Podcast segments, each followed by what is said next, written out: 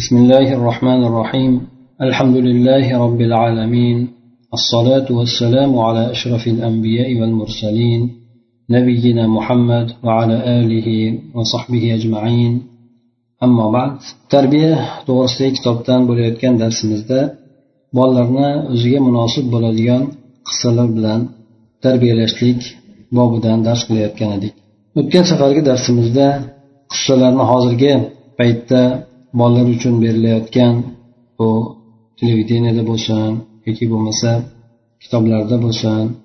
Mana shu qissalarni turlari hamda aksariyatini bolalarni tarbiyasi uchun yaroqsiz ekanligini balki e, bolalarni yomon holatda tarbiya qilishligiga hissa qo'shishligini aytib o'tgan edi. Ana endi bugungi darsimizda inshaalloh ba'zi bolalar uchun foydali bo'ladigan qissalarni turlarini aytish bilan birgalikda ulardan ba'zilarini misol tariqasida keltirib o'tadi. Muallif aytadiki فتلك مقتطفات من الواقع القصص المقدمة للأطفال والتي كان يفترض أن تكون تربوية ربما يقول البعض إن القصص المناسبة طرحها للأطفال قليلة وغير مفيدة وهذا كلام غير صحيح ففي الكتاب والسنة الكثير من القصص المفيد وكل قصص الكتاب والسنة مفيد.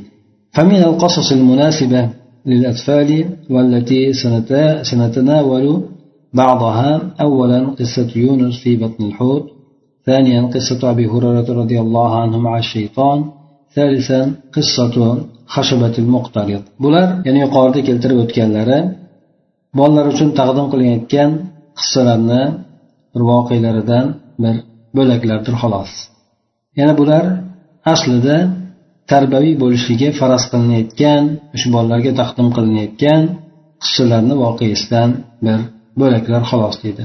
Hop endi aytamizki bu yerda ba'zi odamlar aytadiki o'zi aslida bolalar uchun munosib bo'lgan ya'ni berilishligi munosib bo'lgan qissalar oz bo'lib ham unchalik foydali emas qiziqarli emas deydi. Bu noto'g'ri bo'lgan gapdir. Qur'onda ham sunnatda ham o'sha foydali bo'lgan qissalardan ko'p kelgan. Qur'ondagi sunnatdagi bo'lgan qissalarni barchasi inshaalloh foydalikdir. Mana bolalar uchun munosib bo'lgan qissalarni jumlasidan biz ularni ba'zilarini tafsiloti bilan aytib o'tamiz. Mana bulardan birinchisi yunus alayhissalomni o'sha kitni qornidagi bo'lgan qorniga tushib qolishlik qissasi ikkinchisi abu hurara roziyallohu anhuni shayton bilan birga bo'lgan qissasi bu hadisda keladi. Uchinchi qarz olgan odamni hop yog'och baylab yog'ochga o'sha qarzlarini ichiga qo'yib turib daryoga oqizib yuborganligi ya'ni egasini olishlik uchun ya'ni top vaqtida olib borishligiga imkoniyati bo'lmagandan keyin ya'ni kema masalasida imkoniyati bo'lmagandan keyin suvni o'ziga o'sha pulni berib turib yuboradi. Buni qissasi o'tadi hali. Yana o'sha qissani turlaridan ya'ni g'or egalari bo'lmish uchta odamni qissasi choh egalarini qissasi ashabul ahdudda anas roziyallohu anhuni payg'ambar sallallohu alayhi vasallamni siri bilan birga bo'lgan qissasi abdulloh ibn umarni cho'pon bilan birga bo'lgan qissasi undan qo'yni so'raydi. Bermagandan keyin aytib qo'y aytib bo'ri yeb ketdi deb turib deb abdulloh ibn umar uni bir sinab ko'rmoqchi bo'ladi shu qissa. Muso alayhissalomni onasini qissasi. Muso alayhissalomni yoshligidan o'sha daryoga oqizib yuborishligi fir'avnni zulmidan qo'rqqanligidan. Hop umar roziyallohu anhuni odamlarni sut borasidagi ya'ni sutga suv qo'shib qo'yishligi borasidagi bo'lgan qissasi yusuf alayhissalomni qissasi moz bilan mauz ikkalasini qissasi yana mol qissasi qissatul bahora qissatul jamal solih alayhissalomga berilgan tuya qissasi yana sohibatul vashah yavmal vashahi min taajibi robbina degan qissa hop ibn umarni yana xurmo bilan birga bo'lgan qissasi. Mana shu qissalarni aytib o'tilar ekan e, hamda ularni e, ichidan foydali bo'lgan e, darslarni ibratlarni chiqarib berilar ekan. Mana shunga o'xshagan demak qissalar ko'p. Bolalarga bu shu kabi qissalardan foydalansa bo'laveradi ularni tarbiyalashlik borasida deydi. Bundan tashqari juda ko'plab qissalarni bolalarga atab qilishlik mumkin. va har bir axloq to'g'risida bo'lgan qissalar har bir sahobiy to'g'risida bo'lgan qissalar bo'lsin مع بيان لكيفية الاستفادة منها وتطبيقها على الواقع قصة ثلاثة أصحاب الغار mana sizga o'sha qissalardan qanday qilib foydalanishlikni va uni voqega qanday qilib tadbiq qilishlikni bayon qilishlik bilan birgalikda o'sha qissalarni ba'zilarini keltirib o'tamiz deydi bulardan mana birinchisi g'orga kirgan hamda g'orni og'ziga tosh tushib chiqishlikka imkon topolmay qolgan odamlarni uchta odamni qissasi buxoriy rahimaulloh o'zini sahiylarida abdulloh umar roziyallohu anhudan rivoyat qilib aytadilarki قال سمعت رسول الله صلى الله عليه وسلم يقول انطلق ثلاثة رهط ممن كان قبلكم حتى آووا المبيت إلى غار فدخلوه فانحدرت صخرة من الجبل فصدت عليهم الغار فقالوا إنه لا ينجيكم من هذه الصخرة إلا أن تدعوا الله بصالح أعمالكم.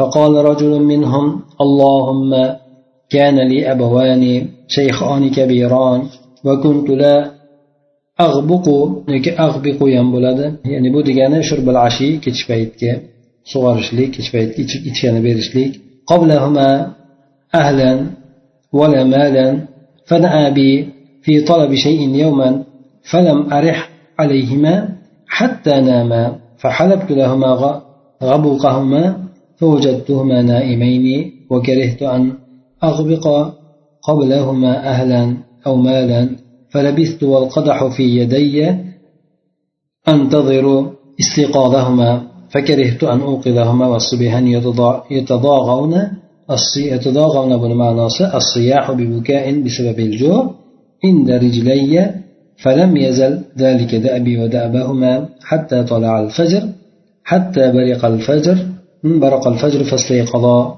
فشربا غبوقهما. اللهم إن كنت فعلت ذلك ابتغاء وجهك ففرج عنا ما نحن فيه من هذه الصخرة. فانفرجت شيئا لا يستطيعون الخروج demak buxoriy rahimaulloh o'zlarini sahihlarida abdulloh umar roziyallohu anhudan u kishini o'zidan ham otalaridan ham alloh rozi bo'lsin rivoyat qilib aytadilar u kishi aytadilarki men rasululloh sollallohu alayhi vasallamni shunday deyayotganlarini eshitgan edim sizlardan oldingi bo'lgan odamlardan uch kishi yo'lga chiqishgan edi Hatto bular o'sha yo'lda ketayotib dam olishlik uxlab tun o'tkazishlik uchun bir g'orga joylashishdi. Tog'dan bir katta tosh tushib pastga tushdida ularga g'orni eshigini bekitib qo'ydi. Ular qarashdiki holat demak xatarli shunda aytishdi bu katta toshdan harsang toshdan sizlarni faqatgina alloh taologa yaxshi amallaringizni o'rta qilib duo qilishliklaringizdan boshqa narsa najot berolmaydi. Ya'ni sizlar yaxshi xudo uchun qilgan amallaringizni eslanglarda o'sha amalni qo'shib turib alloh taologa duo qilinglar. Alloh taolo ana shunda ya'ni bu narsa alloh taolo ijobat qilishligiga yaqin bo'ladi shunga sabab bo'lib qoladi. Ana o'shandan alloh taolo sizlarni duolarini ijobat qilib bu katta toshni ketkazadi sizlarga najot beradi degan mazmunni aytishdi. Ulardan birlari boshladi. Aytdiki allohim meni yoshi katta bo'lgan qariya ota onam bor edi. Men ularga kechki paytda ichadigan narsalarni berardim. Ulardan oldin bola chaqamga ham ya'ni hech mol dunyomga ham ulardan oldin qaramas edim. Ya'ni o'sha ichimlik suvini berishdan oldin shu narsalarga qaramasdim oilamga ham ota onam ichishligidan oldin bermas edi. Keyin bir narsani talabi meni bir kuni kechiktirib qo'ydi. Bir ish bilan ketib qoldimda kech qaytib qoldim ularga kelgan paytimda ular uxlashgan edi. Ularga o'sha kechasi beriladigan ichimligini ya'ni sutini sog'dim. Qarasam ikkalasiga beraman deb qarasam ular uxlayotgan ekan shu uxlayotgan holatda topdim. Uxlab qolganligi uchun ulardan oldin bola chaqamni birontasiga o'sha ular uchun qilgan sog'gan narsamni berishlikni kerak ko'rdim yoqtirmadi. Shunda kutib turdim. Qadah esa qo'limda edi. Men ularni uyg'onishligini kutib turar edim. Ya'ni buni qavs ichida yaqinlashtirib tarjimasini aytyaptiki men ularni uyg'otishlikdan uyg'otishlikni yoqtirmadim lekin bolalar esa ochlik sababli yig'lab qichqirishardi. Ya'ni oyog'imni ostida yig'lab qichqirishardi. Meni ham ota onamni ham holati shuningdek bo'lib davom etdi. Hatto tong otib ketdi. Ikkalalari uyg'ondilar. Va men sog'gan narsani o'sha kechasida berishim kerak bo'lgan narsani ichib oldilar. Allohim agar men mana shu ishni seni yuzingni izlagan holatda shuni seni yuzingni istab qilgan bo'lsam bizdan mana bu biz unga tushib turgan katta harsang toshni bizdan ketkizgin deb duo qiluvdi bir oz ochildiyu ora shu g'orni eshigi biroz ochildiyu lekin undan chiqishlikka qodir bo'lolmadilar قال النبي صلى الله عليه وسلم وقال الآخر اللهم كانت لي بنت عم كانت أحب الناس إلي فأردتها عن نفسها فامتنعت مني حتى ألمت بها سنة من السنين فجاءتني فقالت لا تنال ذلك منها حتى تؤتيها مئة دينار فسعيت فيها حتى جمعتها فأعطيتها عشرين ومئة دينار على ألا أن تخلي بيني وبين نفسها فقالت حتى إذا قدرت عليها. قالت اتق الله ولا تفض الخاتم إلا بحقه. فتحرجت من الوقوع عليها فانصرفت عنها فقمت وتركتها. وهي أحب الناس إلي وتركت الذهب الذي أعطيتها. اللهم إن كنت فعلت ابتغاء وجهك فافرج عنا ما نحن فيه. فانفرجت الصخرة ففرج عنهن. عنهم الثلثين غير أنهم لا يستطيعون الخروج منه yana payg'ambar sollallohu alayhi vasallam aytdilar ularni yana birlari aytdiki allohim meni amakimni qizi bor edi u qiz menga odamlarni ichida eng suyumligisi edi men u qizni xohlab qolgan edim mendan o'zini tortdi manlandi unamadi ko'nmadi hattoki qiyinchiliklardan bir qiyinchilik uni boshiga tushdi. Ya'ni oilasiga katta bir qiyinchilik tushdi.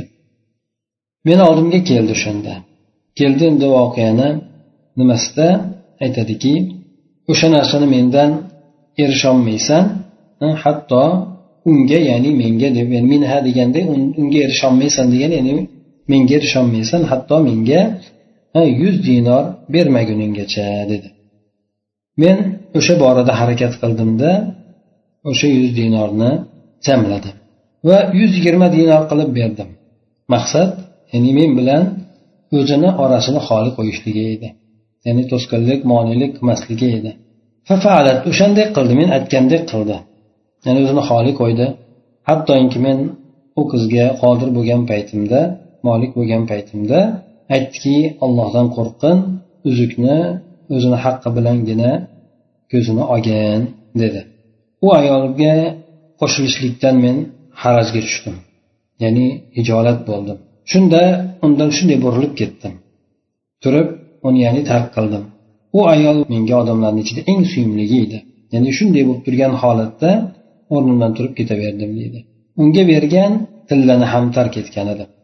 Allohim agar bu ishni seni yuzingni istab qilgan bo'lsam bizdan biz unda bo'lib turgan holatdan holatni bizdan ketkazgin bizni o'shanday bo'lgan holatdan qutqargin shunda haligi tosh harsang tosh jinday ochildida g'orni eshigidan jinday sildidi hamda g'orni eshigi jinday ochildi ulardan endi uchdan ikki qismiga ochildida lekin ular hanuz undan chiqib ketishlikka qodir bo'lishmas edi yana davom ettirib payg'ambar alayhisalom aytadilarki قال النبي صلى الله عليه وسلم وقال الثالث اللهم إني استأجرت أجراء فأعطيتهم أجرهم أي ثمنه غير رجل واحد ترك الذي له وذهب فثمرت أجره حتى كثرت منه الأموال فجاءني بعد حين فقال يا عبد الله أد إلي أجري. فقلت له كل ما ترى من أجرك من الإبل والبقر والغنم والرقيق. فقال يا عبد الله لا تستأذئ بي. فقلت إني لا أستهزئ بك. فأخذه كله فاستقاه فلم يترك منه شيئا اللهم إن كنت فعلت ذلك ابتغاء وجهك فافرج عنا ما نحن فيه فانفرجت الصخرة فخرجوا يمشون payg'ambar sallallohu alayhi vasallam aytdilarki ulardan uchinchisi gapni boshladi allohim men bir ishchilarni kiraga yollagan edim ularga o'sha kira haqlarini berib bo'lgan edim lekin bir odam qolgan ediki u o'zini haqqini tashlab ketgan edi. Shunda men uni o'sha tashlab ketgan haqqini ko'paytirishlikka harakat qildim. Ya'ni o'sha bilan pulini ko'paytirib berishlikka harakat qildim. Hattoki undan mollar ancha ko'payib qoldi. Bir muddatdan keyin meni oldimga keldi. Aytdiki abdulloh menga haqimni ado etgin bergin dedi. Shunda men unga aytdimki sen o'zing ko'rib turgan hamma narsa mana bular. Seni haqqingdandir. Tuyadan bo'lsin mol bo'lsin qo'y bo'lsin qul bo'lsin shular hammasi seni haqqingdan deb aytdim. Shunda menga aytdiki ey abdulloh meni ustimdan masxara qilmagin. Men aytdimki yo'q men masxara qilayotganim yo'q dedim. Shunda u narsalarni barchasini oldida oldiga solib haydab ketdi. Undan biron narsani qoldirmadi. Allohim agar men mana shu narsani seni yuzingni istagan holatda qilgan bo'lsam bizdan biz unda bo'lib turgan holatni ketkizgin o'zing najot bergin. Dedi. Shunda haligi harsang tosh ozgina yana ochildida shu bilan ular o'zlari yurgan holatda o'sha g'orni ichidan chiqib ketdilar.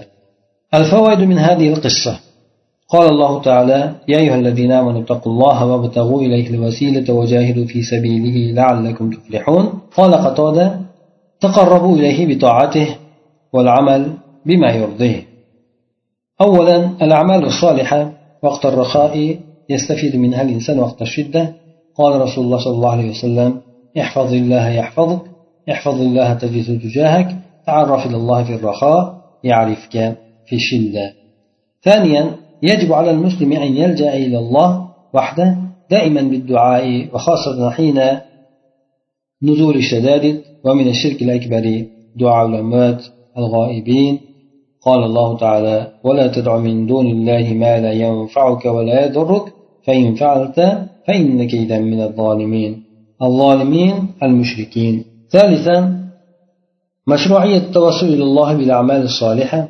وهي نافعة مفيدة ومفيدة ولا سيما عند الشدة وعدم مشروعية التوسل بالذوات والجاه alloh taolo aytadiki ey iymon keltirgan kimsalar ollohdan taqvo qilinglar hamda alloh taologa vosita orqali yaqinlashinglar ya'ni o'zlaringizni yaxshi amallaringiz bilan alloh taologa yaqinlashinglar vosita istanglar hamda allohni yo'lida jihod qilinglar shoyat mana shu ishlarni qilasalaringiz allohni zafariga erishuvchi bo'larsizlar deydi.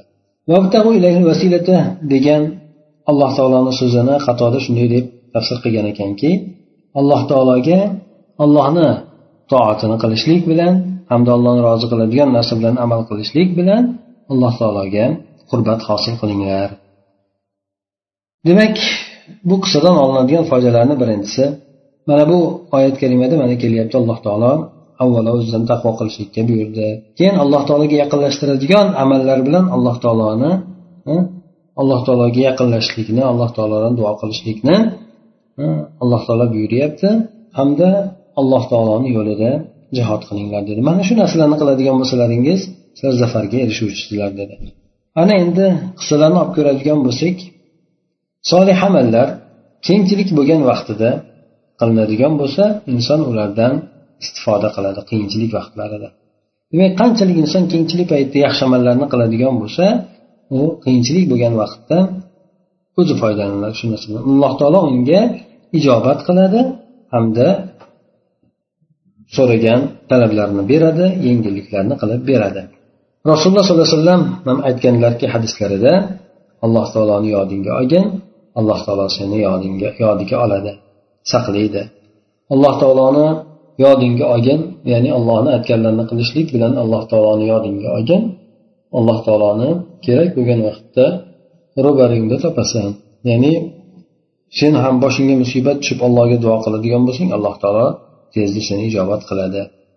Alloh taologa kengchilik bo'lgan paytda allohni tanigin.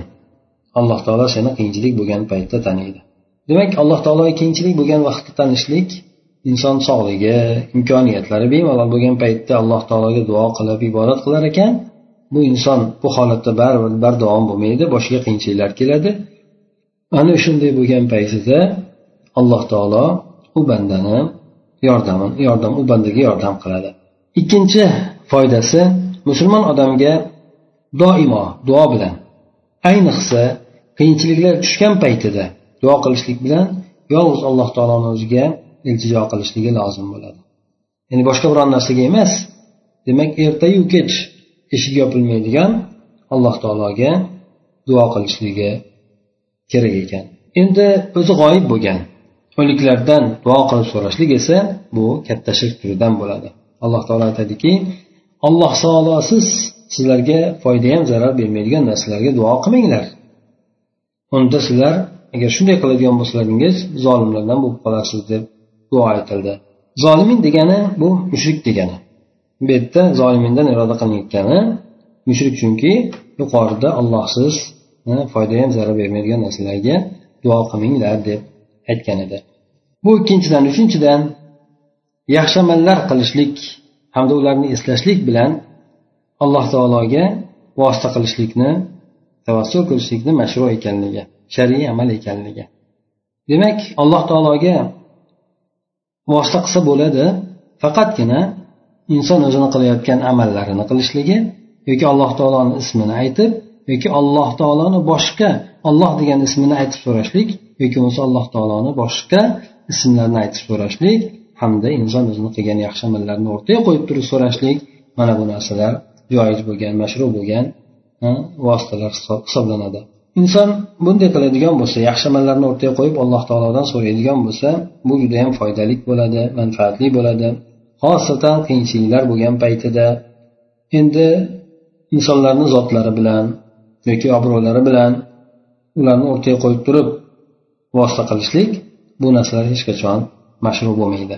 Ya'ni hattoki ahli sunna payg'ambarni o'zini bo'lsa ham qo'yib turib duo qilishlik mumkin emas deb aytishadi. Demak odamlarni o'rtaga qo'yib turib o'shalarni nomini zikr qilib turib duo qilishlik bu narsa mashru emas ekan balki mashru bo'lgan inson o'zini amalini o'rtaga qo'yib xolis bo'lgan amallarni o'rtaga qo'yib yoki bo'lmasa alloh taoloni boshqa ism sifatlarini o'rtaga qo'yib turib duo qiladigan bo'lsa vosita qiladigan bo'lsa bu narsalar bo'laverar ekan. Ana endi to'rtinchidan aytadiki hubbullohi muqaddamun ala hubbi ma tahva an nufus min ash-shahawat. Alloh taoloni muhabbati alloh taoloni yaxshi ko'rishlik nafs xohlaydigan shahvatlarni muhabbatidan muqaddam ekanligi.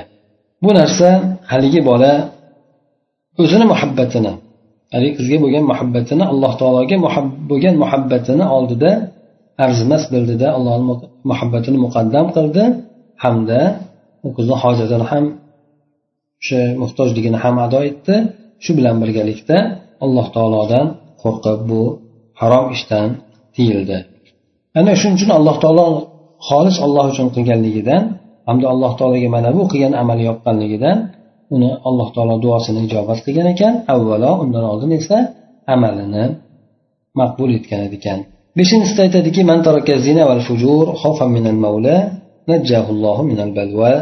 kim zinoni yoki boshqa jinoyatlarni tark qiladigan bo'lsa xudo uchun tark qiladigan bo'lsa allohdan qo'rqqanligidan tark qiladigan bo'lsa alloh taolo uni har xil balolardan najot beradi uni qutqarib qoladi mana bu yerda ham ularga demak alloh taolo ma'lum bir miqdorda najot berdi من حفظ من حفظ حقوق الأمة حفظ الله من حفظ حقوق الأمة حفظه الله وقت الشدة ونجاه من المحنة kimki ishchilarni haqlarini hmm, madikorlarni ishchilarni haqlarini saqlab qoladigan bo'lsa vaqtida ado etadigan bo'lsa alloh taolo uni qiyinchiliklar vaqtida saqlaydi. Mehnatdan esa mehnat bu ham qiyinchilik mashaqqat degan ma'nosida shunaqangi boshiga qiyinchiliklar tushgan paytda alloh taolo unga najot beradi. Buni misollari judayam ko'p. Yettinchidan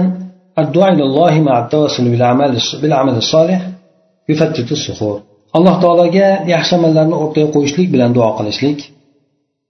Bu hattoki harsang toshlarni ham parchalab tashlaydi deyapti. Demak bu yordam berdi. Alloh taolo uni mana shu qilgan amalini ijobat qilganida o'shani o'rtaga qo'yib so'radi duosini ham ijobat qildi. Sakkizinchidan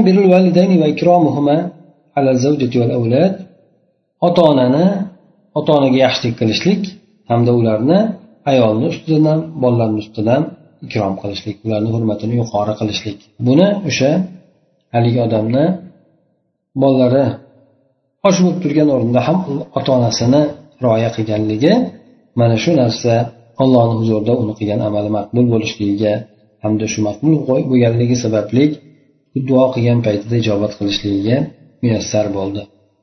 To'qqizinchidan haqqul ajir demak kirakashni haqqi o'ziga saqlab qo'yiladi.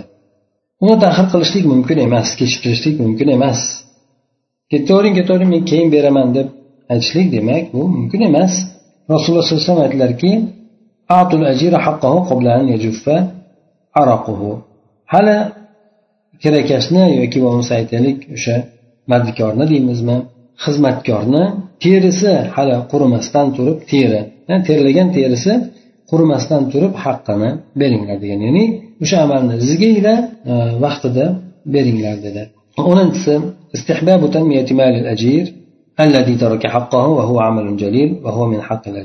kirakash bo'lgan odamni moli qoladigan bo'lsa haqqini tark etib ketgan bo'lsa qoldirib ketgan bo'lsa o'shani molini savdoga aralashtirib yuborishlik ya'ni mustahab ekanligi ya'ni uni hop aylantirib berishlik pulni aylantirib berishlik mustahab ekanligi bu juda ulug' amal hisoblanadi. Bu o'sha kirakashni yoki bo'lmasa xizmatkorni madikorni haqqidan sanaladi endi. Bu yerda inson bir masala borki agar birovni shunaqa molini tijorat qiladigan bo'lsa pulga almashtirib yuboradigan bo'lsa agar o'zidan beruxsat qiladigan bo'lsa bunda zarar bo'lib qoladigan bo'lsa o'sha pulni yana qaytarib joyiga qo'yib qo'yadi to'liq qaytarib qo'yadi. Agar foydali foyda bo'ladigan bo'lsa aytib ellik foizigacha ya'ni yarmigacha haqdorlik qilishligi mumkin bo'ladi o'n birinchi foydasidan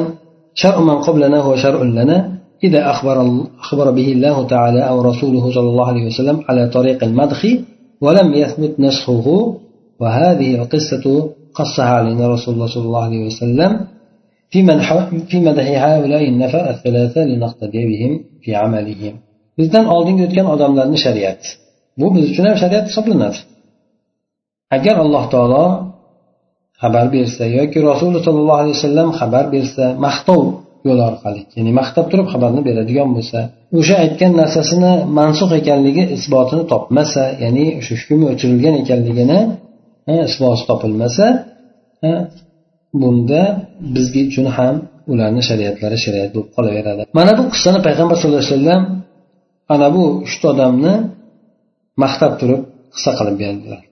bundan maqsad biz ularni amallarida ergashishligimiz uchundir ya'ni bizni ham boshimizga musibat qiyinchilik tushib qoladigan bo'lsa ana o'sha paytda xudo uchun xolis bo'lgan amallarni izlab allohga duo qilinadigan bo'lsa alloh taolo bu narsani ijobat qilishligi yaqinroq bo'lar ekan o'n ikkinchidan طلب الإخلاص في العمل حيث قال كل واحد اللهم إن كنت فعلت ذلك ابتغاء وجهك ففرج عنا ما نحن فيه qilayotgan amalida ixlosni talab qilishlik Chunonchi ulardan har biri ayt allohim agar men bu ishni seni yuzingni rozi istab seni yuzingni ya'ni roziligingni istab qilgan bo'lsam bizdan bo'lib turgan holatimizni forij qilgan shu narsani bizni qutqargin deb aytgan edi.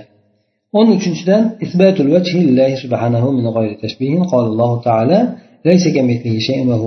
basir alloh taoloni yuzini isbot etishlik yuzi borligini bu narsa esa hech qanaqangi tashbeh qilmasdan allohni yuzi insonni yuziga o'xshab ketadi yoki falon narsani yuziga o'xshab ketadi deb aytmasdan umumiy suratda alloh taoloni yuzi bor ekanligini isbot etishlik.